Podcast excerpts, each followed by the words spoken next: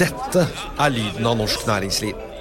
Akkurat nå tas det små og store valg som kan bli avgjørende for fremtiden. Med økonomisystemet X-Leger tas disse beslutningene basert på informasjon i samtid, slik at drømmer og ambisjoner kan bli virkelighet. Få kontroll og oversikt, gå inn på xledger.no. Denne sendingen er sponset av Xleger.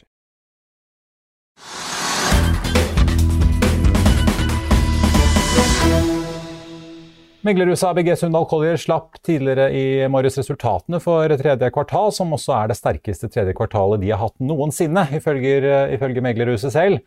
ABG var ikke med på noen børsnoteringer i tredje kvartal, men flere skal være på vei. Vi tok en prat med norgessjef Peter Straume for å høre om hva som rører seg både i og utenfor meglerhuset om dagen.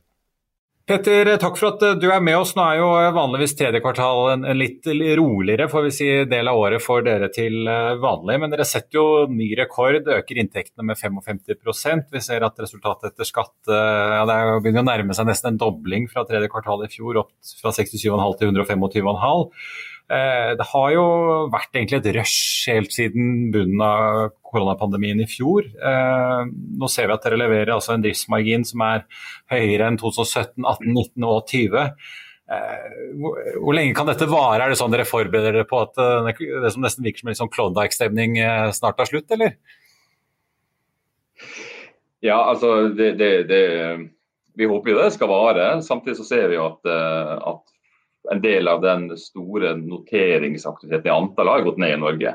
Uh, og, og, kanskje vi ser det litt i Sverige også, selv om det de, de går veldig bra der fortsatt. Så, så, det er klart at, at uh, sånn sett, så det, Noe av det har jo uh, redusert seg, men vi ser en, en kraftig økning i f.eks. obligasjonsmarkedet. Og også økning på M&A. Så, så det betyr jo egentlig at kanskje selv om noen selskap kanskje må utsette sin notering, sant, så får de kapital fra en private equity, eller de velger å tappe litt gjeld. slik at med vår forretningsmodell så, så klarer vi å, å, å hjelpe selskapet likevel. Og, og, og, det tar bare transaksjoner tar nye former. Og, og framover da, så tror vi at vi, det, det, ser veldig lovende ut. Og, en robust og, variert pipeline. Uh, og vi tenker jo at, uh, at, det blir kanskje mer variert uh, spekter enn det kanskje var før sommeren. Men at det blir høy aktivitet. Og, og, og, markedet er jo i store trekk bra. Uh, stabilt.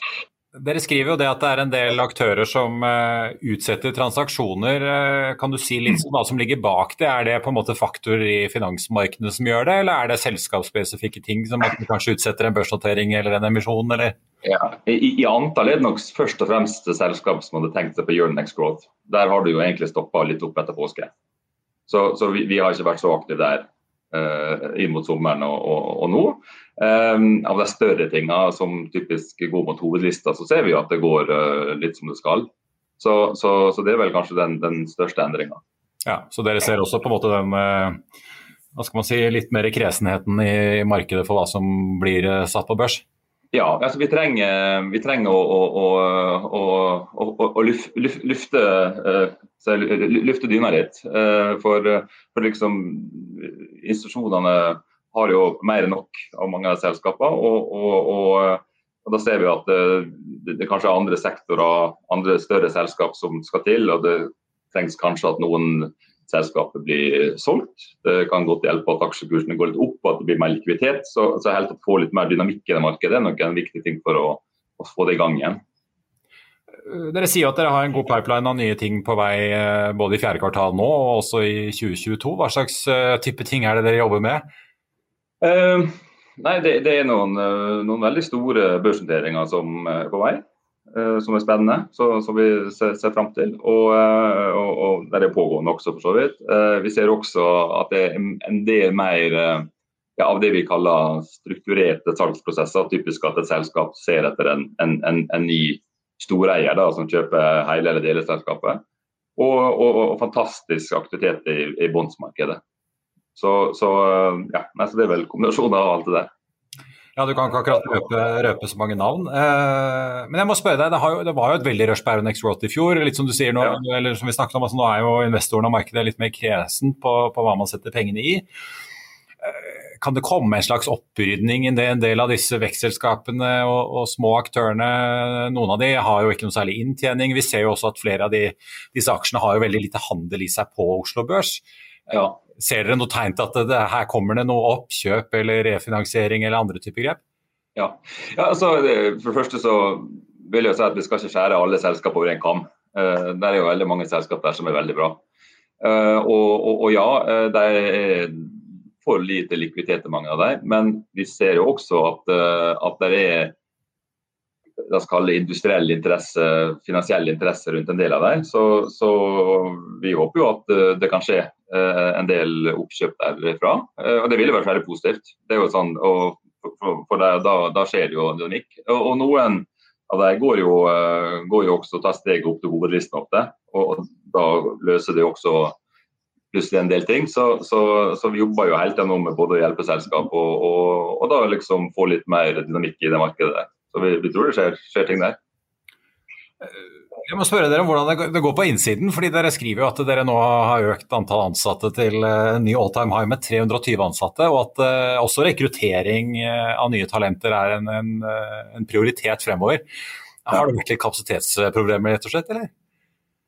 Ja, det, det, kan en vel tenke at vi føler på av og til. og Slik det har vært så, med så stor aktivitet, så klart det har vært, uh, vært kapasitetsutfordringer. Men, men, vi er så heldige at vi får rekruttert de flinkeste folka i Norge. Og, og, og vi ansetter det er spesielt på rådgivning, altså investmentbanking-del, vi ansetter folk.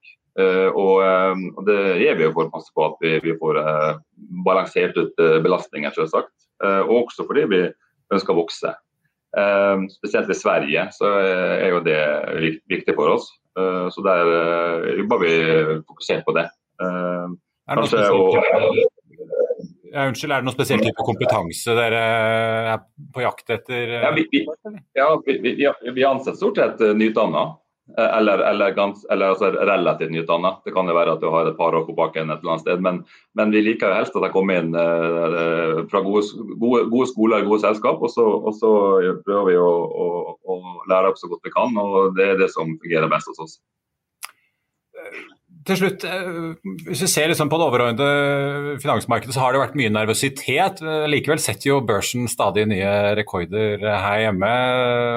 Men altså, vi har jo sett liksom, en liten nyhet fra Kina kan jo liksom få markedet til å skjelve litt.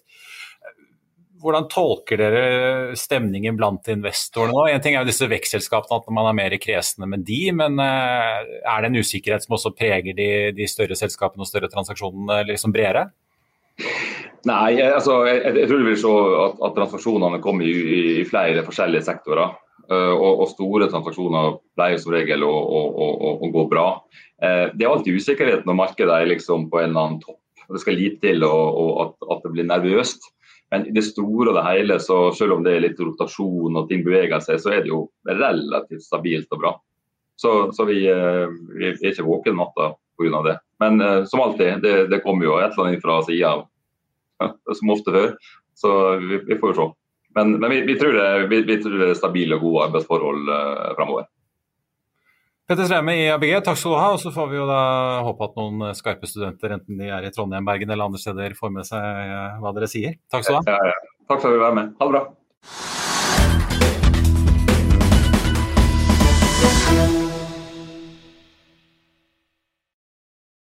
Denne sendingen er sponset av Xleger. Økonominyhetene er en podkast og videoproduksjon fra Finansavisen. Programleder er Marius Lorentzen.